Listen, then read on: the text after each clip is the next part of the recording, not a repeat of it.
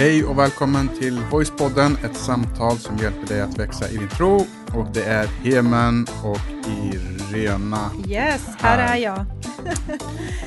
ja. I, och, ja, jag är så exalterad Irena. Är för du att det? det här är, det här är en, en speciell dag. Det är inte min födelsedag. Det är inte din födelsedag, det är ingens födelsedag. Jo, nå- någon säger det, det finns miljontals människor. Någon, någon tro, fyller troligtvis år idag. Ja. Men varför jag är så exalterad, det är att för att vi håller på att fullborda och avsluta. Det är inte avslutande som är i fokus, men fullborda det här gigantiska temat som vi har haft. Ja. Eh, Det här är avsnitt nummer 15 i det här eh, temat eh, och varje avsnitt har varit över 30 minuter, vissa har varit 40 minuter. Så mellan 7 till 8 timmars undervisning och poddande alltså. kring det här temat som heter den röda tråden. Bra kämpat för dig som har lyssnat. Eller kämpat, hoppas inte det kändes som en kamp. Men, men, men, men bra, bra gjort liksom. Ja, och, och, ma- och, och lite så här filosofin kring hela den här, det är lite så här, varför göra det lätt för sig när man kan göra det svårt för sig? Va? Ja, Men det är väl lite, lite det vi har gjort, vi har, vi har, vi har inte tagit oss an liksom en enkel... Nej, en, en, en, men det är- och, och, och där är du, ja, det, det väldigt, och där är du lite så här expert på just det här, varför göra det enkelt för sig när man kan göra det svårt för sig? Ja, vad, vad tänker du då? men jag tänker på, eh, men vi vet ju, du kan, du kan ju inte laga mat. Nej, jo, det- du, jo. några stycken, så här fem, fyra, fem Mina rätter. fem bästa. Ja. Eh, Och häromdagen när vi skulle laga mat så satt jag på soffan och iakttog för att vi, skulle, vi bestämde att vi skulle göra en enklare maträtt. Nu skulle vi göra så här lasagne. Vi skulle laga tillsammans tror Vi jag. skulle laga tillsammans och jag var nästan klar med mina grejer. Eller, Jag, jag, jag stod och tittade på det i alla fall, hur du betedde dig. Och då är det så här att på en spis så finns det ju fyra spisplattor. Och de är lite olika storlekar och det finns oftast typ så här i, I bakre raden så finns det en stor och en liten och i främre raden så finns det en stor och en liten. Eh, och då var det så intressant att se din teknik och dina val av, liksom hur, hur du valde att jobba med det här. Där du liksom, du, det fanns bara en kastrull på spisen och då valde du att ta den här kastrullen och Nej, det lägga det två. Det fanns Ja, men två. inte på din sida. På din sida fanns det bara en kastrull. Och då valde du att ta kastrullen och lägga den på den andra raden, alltså längst in Mm. på spisen. Eh, och till det hör ju är att du inte är jättelång. så det var så kul att se hur du sträckte dig med hela kroppen. Du stod liksom på tå för att nå den här kastrullen och, och, och försöka... Ja, men lite, lite så här, nu ska vi ta och förklara lite här. Mm. så här är det. Vi skulle ju göra lasagne och det har vi inte gjort på många år.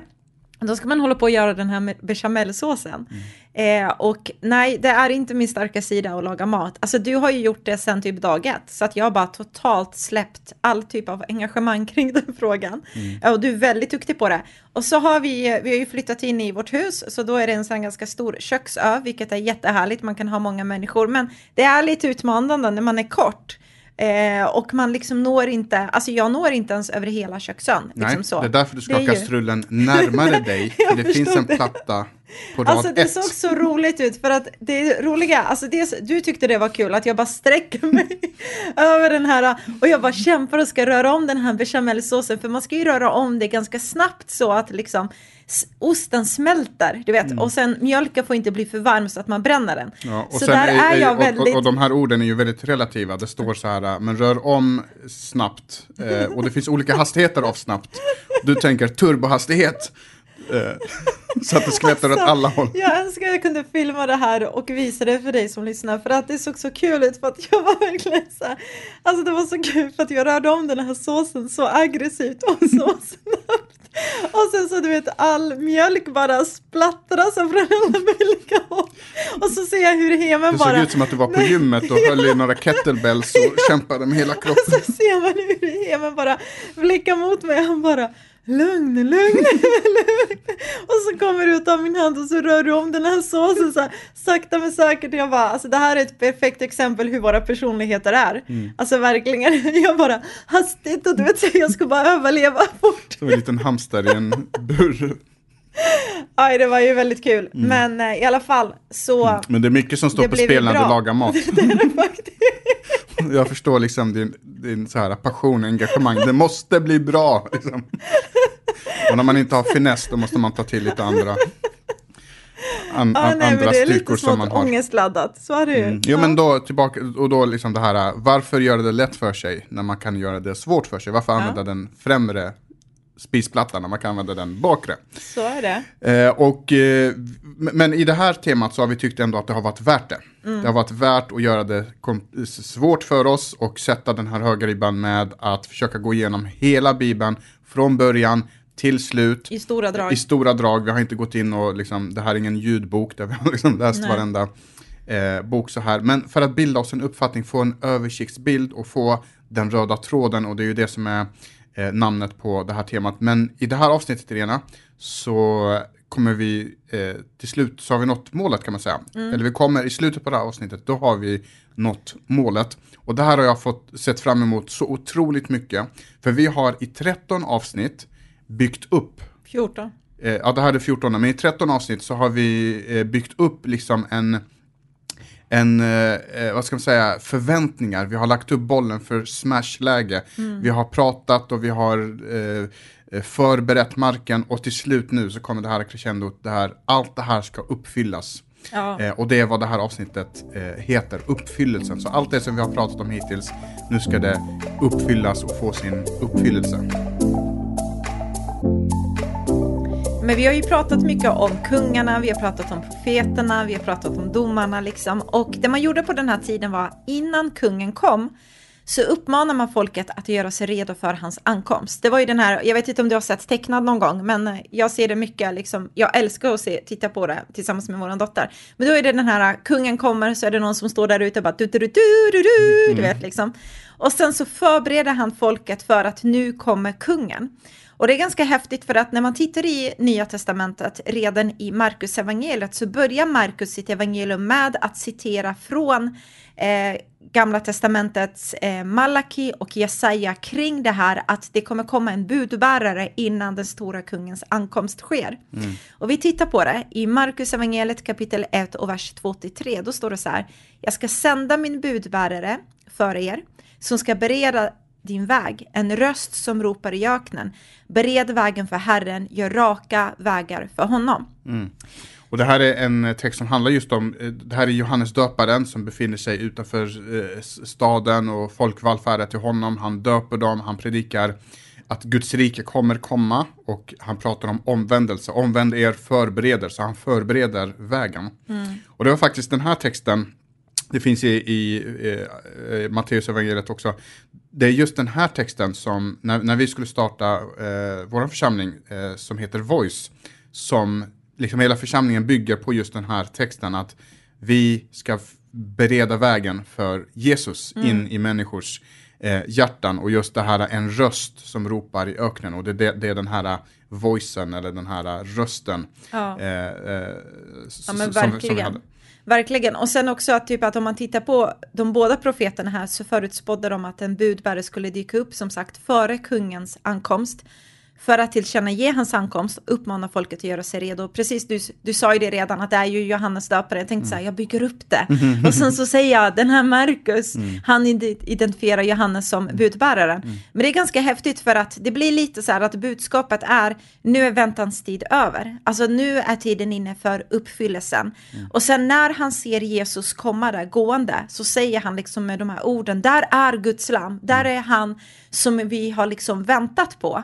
Eh, och, och folk i den tiden fattade direkt vad Johannes menar när han säger där är Guds lam.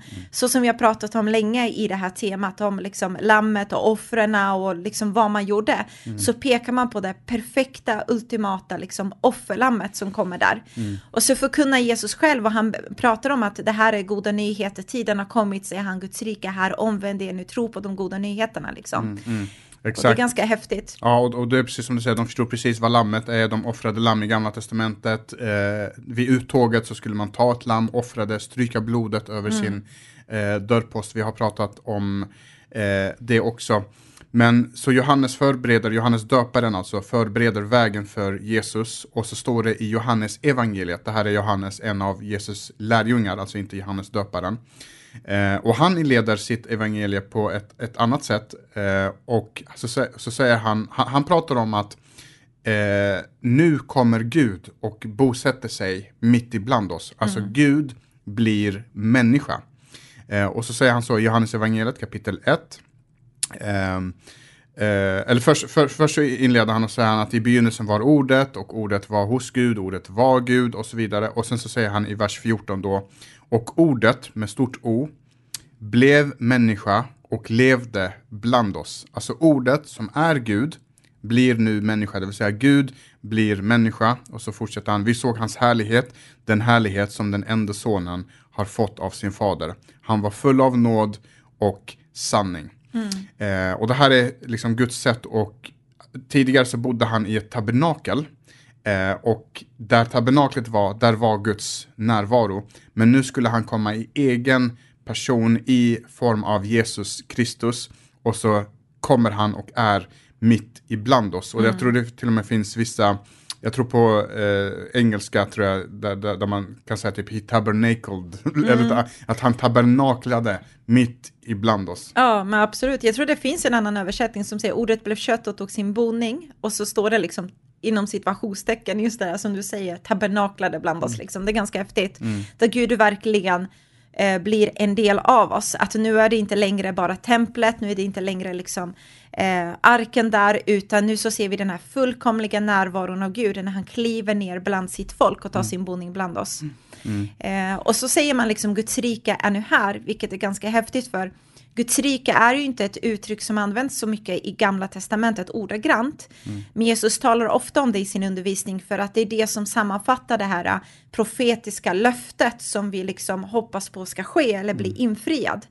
Och så ser man när Jesus kliver in så har han en förhållningssätt mot gamla testamentet att han har kommit för att uppfylla allt det som gamla testamentet pekar på. Mm. Eh, och han, han liksom drar inte ner kraven från gamla testamentet eller säger så här, nej men jag ogiltigt förklarar det, det mm. är inte så viktigt, nu kommer det en ny tid, peace, love, understanding, jag ser mellan fingrarna för jag är bara kärlek, du mm. vet, inget av det, utan han säger till och med till sina lärjungar, Välsignade är era ögon eftersom de ser och era öron eftersom eh, ni hör. För jag säger er sanningen, många profeter, många har längtat efter att få se det ni ser, mm. men har inte sett det och kunnat få höra det ni hör, men inte hört det. Mm. Så han refererar till allt det här i Gamla Testamentet, hur människor har längtat efter den här frälsarens ankomst, att mm. få höra liksom det här ultimata budskapet om Guds räddning för mänskligheten. Liksom. Exakt, och Jesus själv har liksom en, en medvetenhet om att alla de här profetiorna handlar just om honom. Jag tror det står i Johannes evangeliet kapitel 5,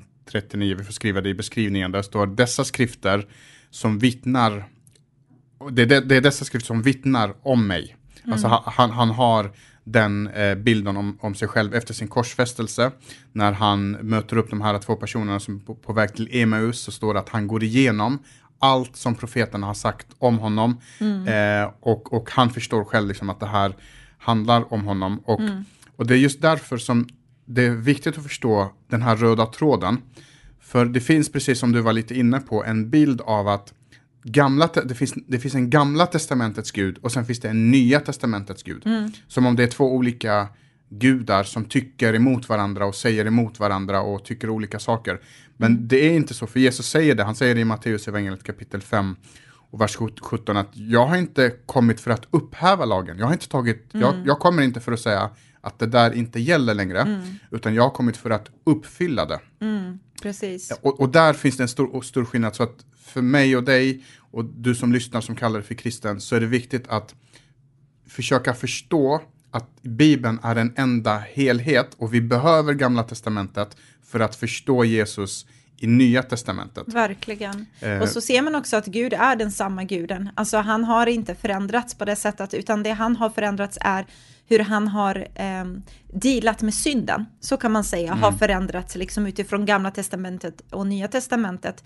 Men så. det är väldigt tydligt när vi har pratat tidigare om hur Gud har visat nåd till folket, i, mm. till och med i gamla testamentet. Exakt, om man har svårt att få ihop de här bilderna mellan Gud i nya och, och, och, och gamla, så har vi faktiskt ett avsnitt eh, om detta, avsnitt nummer 51 i ett tema som vi kallar för ondska. Och där försöker vi reda ut de här sakerna, liksom, är Gud, var Gud en ond Gud i gamla testamentet och så blev han en hippie i nya?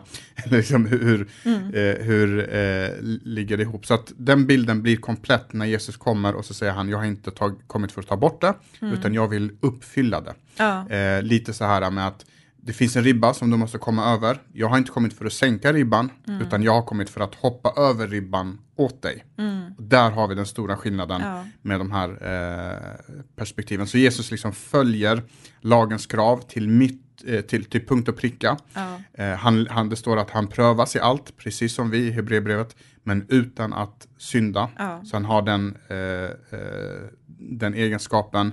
Eh, och, och, han gör allt det här och så säger han, nu har jag gjort allt det här åt dig och nu får du det som en gåva. Ja, exakt. Och det är det som är det nya förbundet. Absolut, och det, det Jesus gör är att när han kliver in i vår tid, in i vår värld, så talar han till folk som visste om hur skrifterna var. Alltså de hade forskat i dem, de kunde det ut och in, de har försökt behålla det här genom generation efter generation och liksom bibehålla det här löftet som Gud har gett till Abraham, Isak och Jakobs Gud och så vidare.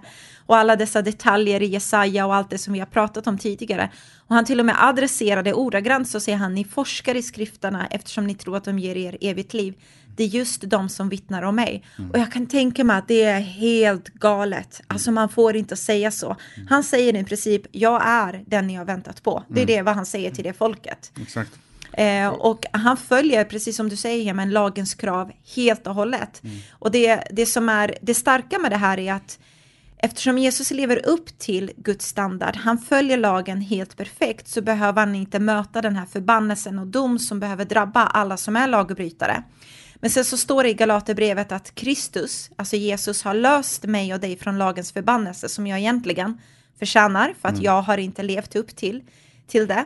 Eh, genom att han blir en förbannelse för våran skull. Men på tredje dagen så uppstår han för han blir frikänd från döden kan inte liksom Eh, har inte rättigheter att liksom ta koll på honom fullt ut. Ja, exakt. Och det finns mycket man kan säga mm. om det här. Eh, men vi, vi, har spelat in två helt ja. Eh, eh, kompletta teman kring det här. Det ena temat heter perfekt och det andra temat heter Guds nåd. Om du undrar någonting kring det nya förbundet, hur det ligger ihop, eh, hur liksom allt det här hänger ihop, så lyssna på, eh, på dem.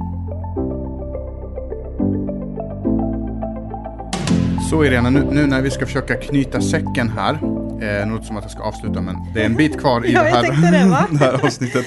Eh, så har vi nämnt några olika saker som fanns rent fysiskt i gamla testamentet och sen så kommer de, och de var en skuggbild av det som skulle komma i nya testamentet. Mm. Så jag tänkte att vi ska gå igenom de här fyra sakerna och se vilka av dem har blivit uppfyllda nu när Jesus kommer vilka kommer att bli uppfyllda och på vilket sätt blir de uppfyllda. Mm. Eh, så vi betar av dem en efter en och en av de sakerna som vi pratar om det är Guds plats. Just det. Alltså Gud behöver ett dominion, ett område.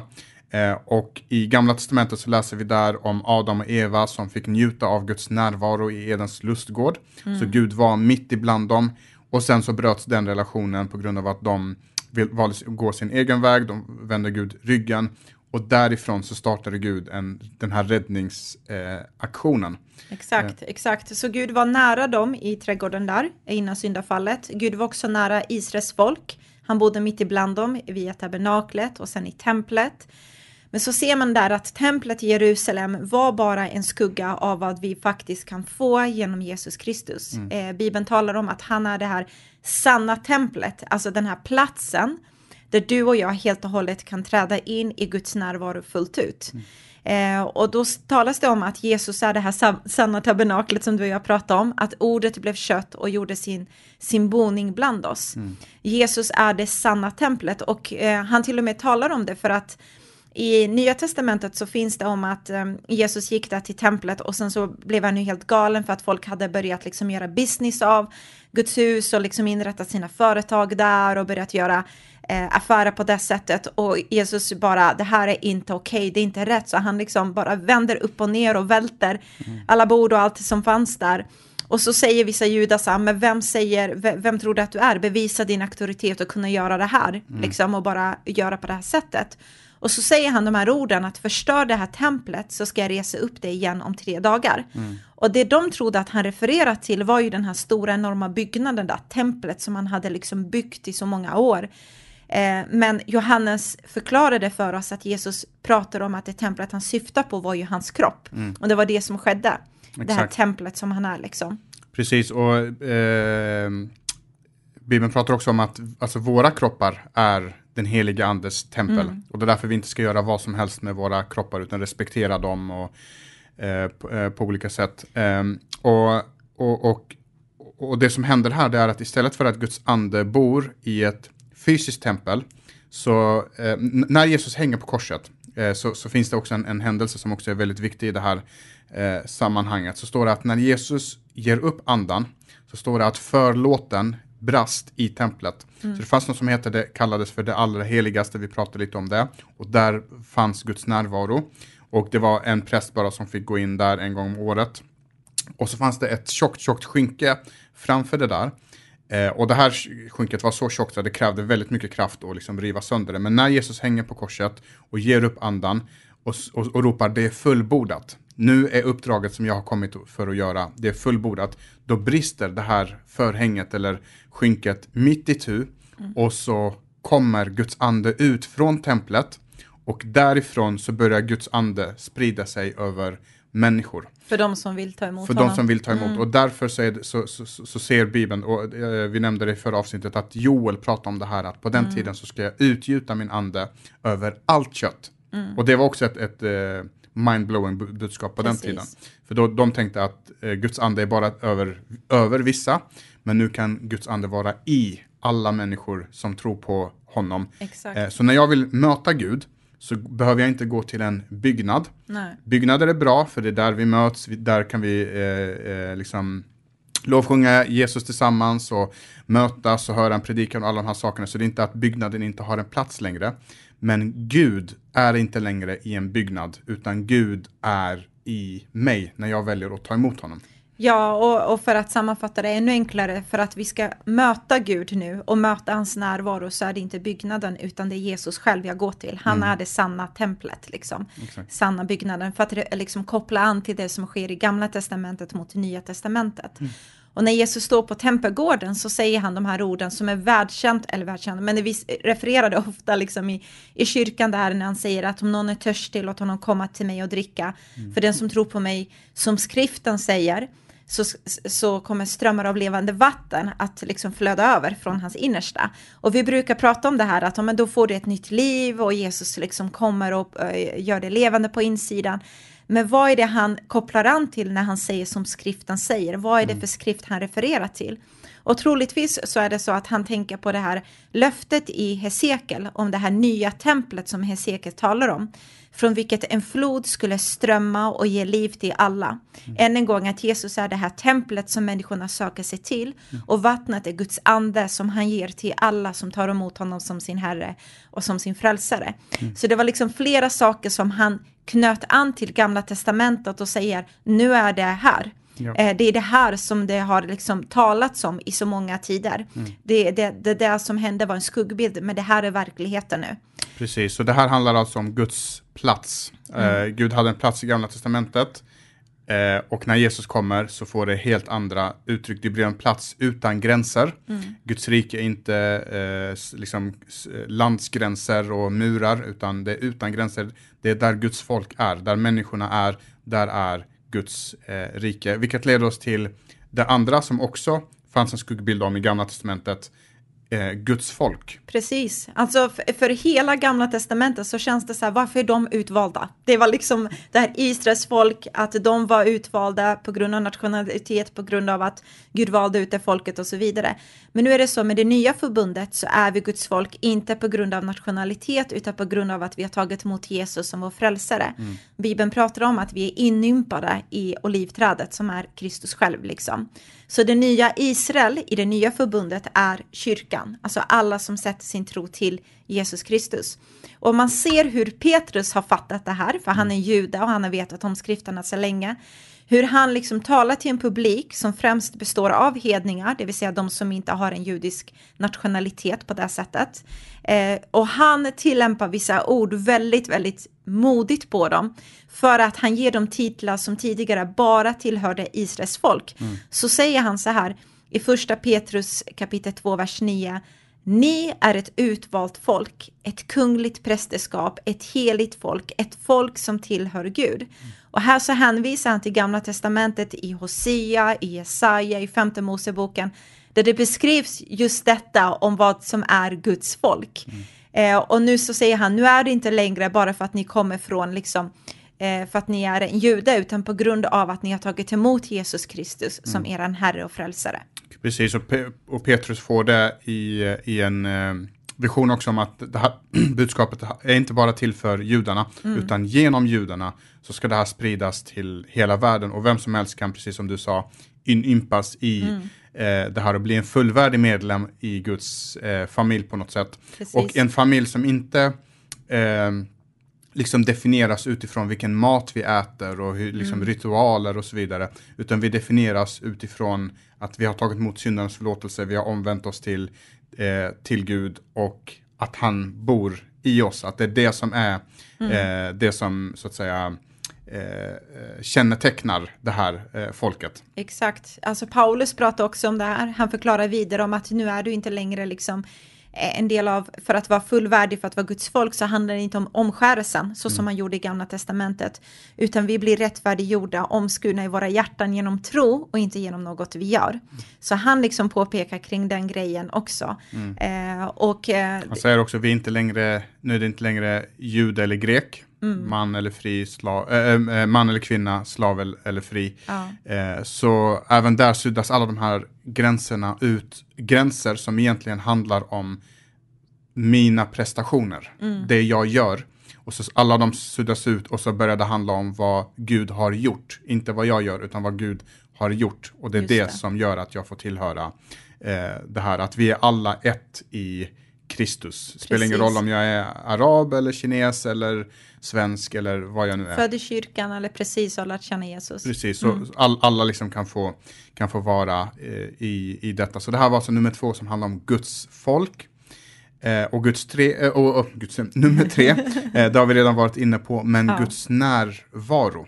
Mm. Precis. Eh. Nu är det inte längre begränsat till en viss plats eller till vissa personer som får ta del av det, utan precis som du pratade om där, Hemen, att, att det fanns en profetia i Gamla Testamentet om att Guds ande ska bli utgjuten över allt kött för mm. de som vill ta emot hans ande. Det är inte bara över vissa präster som Gud profeterar och talar igenom, utan nu är det över alla de som bekänner sig till Jesus Kristus, har gjort honom till sin Herre och vill följa honom. Mm. Och den helige Ande är den som verkar i våra liv, han är den som formar våra liv och han är den som drar oss närmare Jesus för varje dag. Mm.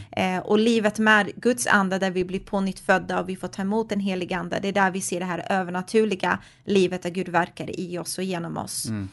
Eh, och sen så talas det om det här med våran identitet också. Alltså vi är medborgare inte bara av den här fysiska världen här, att jag har min nationalitet i att jag är från Balkan eller du är arab eller så, utan det talas om i Filipperbrevet kapitel 3 och vers 20 att vårt hemland är i himlen. Mm. Och därför väntar vi också på Jesus som ska komma och rädda oss. Mm. Eh, och Jesus betonar flera gånger om att det här med att Guds rike är här, Eh, och det kan man ju se på grund av det som Jesus gjorde eh, genom liksom alla dessa mirakler och, och, under och tecken och allt det som han och hans lärjungar gjorde. Mm. Men det talas också om att Guds rike ska komma.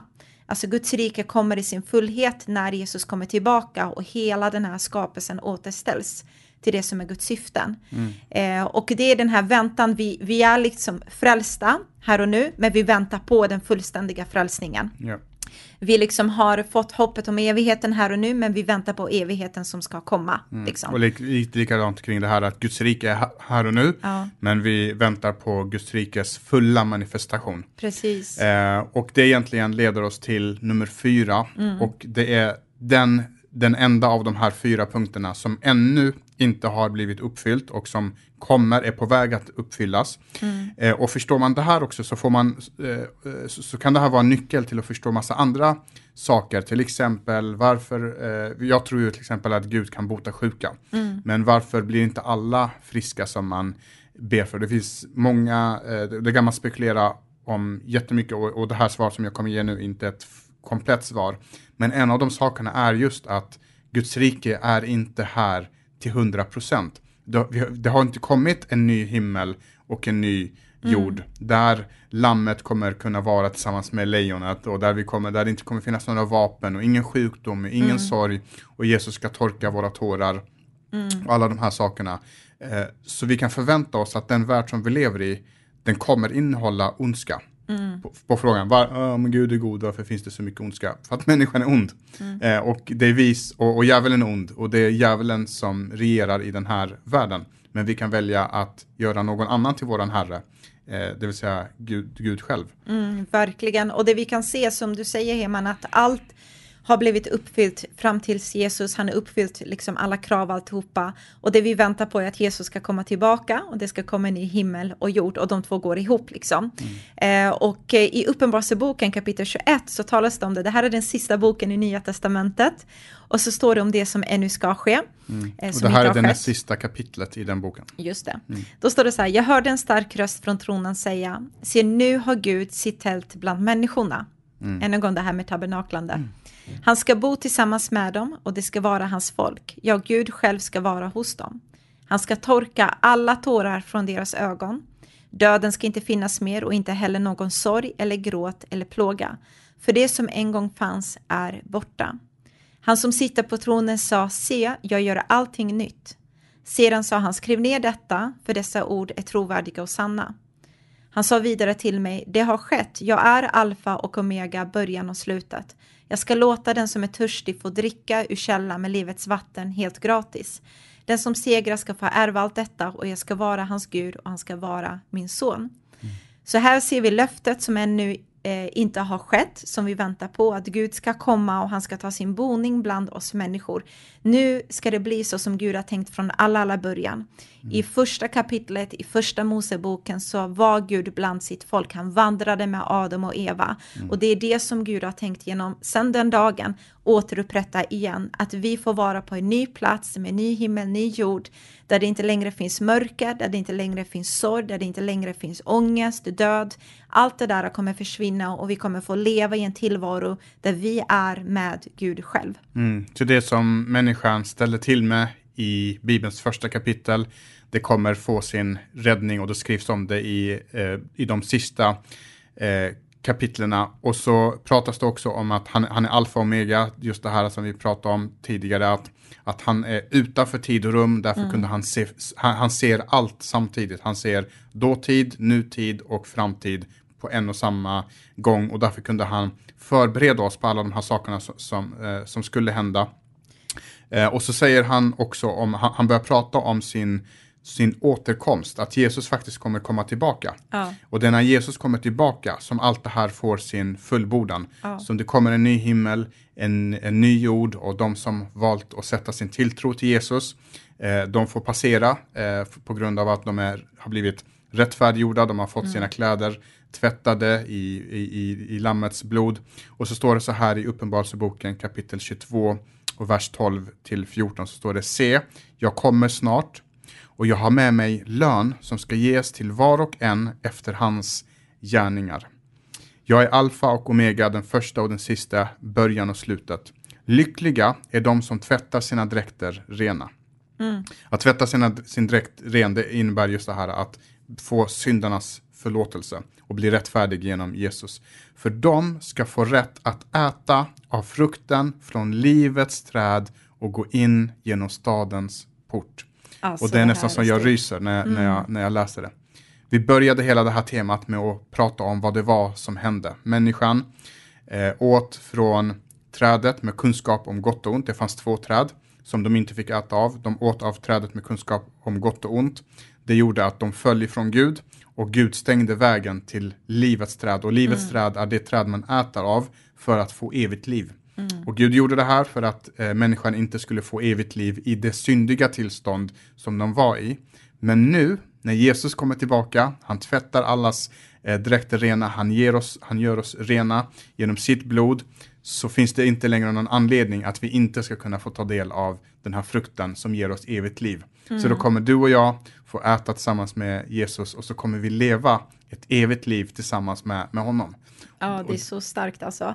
Så nu finns det liksom inga fler räddningsaktioner efter det här, utan mm. nu när vi har blivit utifrån vår fria vilja försonade med Gud, så får vi äta av livets träd och i all evighet var ju det här tillståndet tillsammans med Gud. Mm. Och det är därför kyrkan har den här nöden och hjärtat och kärleken så att var och en som finns i vår värld ska få möjligheten att kunna få välja, att kunna få höra om den här guden som vill leva ett liv tillsammans med dig i all evighet. Mm. Att han vill försona dig med honom. Mm. Och eh, den här eh, röda tråden i Bibeln som vi ser där Gud är den som regerar, där Gud är där med sitt rike, där det finns ett folk som utifrån sin fria vilja väljer honom, som vill leva i hans närvaro. Vi ser hur korset är det som har gjort allt detta möjligt, att vi kan komma till den platsen. Mm. För det sker när Jesus säger nu är det fullbordat. Och det är det här hoppet vi har framför oss, mm. att Gud ska komma tillbaka och Jesus ska återställa alltihopa, inte bara mitt andliga liv, utan vi kommer se hur det fysiskt blir en ny plats och en ny jord. Liksom, Exakt, och, och, vi ser här av fyra olika saker så är det tre stycken som har blivit fullbordade. Och hur kan jag veta att den fjärde, hur kan jag lita på att den fjärde också kommer att fullbordas? Hur kan jag veta med full säkerhet att jag har fått mitt namn skrivet i Livets bok och att det kommer en ny himmel och en ny jord? Och där tänker jag att på något sätt så har Gud liksom byggt upp ett enormt förtroendekapital mm. genom att bevisa utan tvivel att han har planerat allt det här in i minsta detalj. Ja. Eh, och en, en del, eh, fram tills eh, mitten på 1900-talet så har en del kunnat säga, ja men det där var, hittades på i efterhand, man har ändrat Bibeln, eh, bla bla bla, för att det går inte att bortförklara på något annat sätt. Antingen så är det gudomligt eller så är det fake. Mm.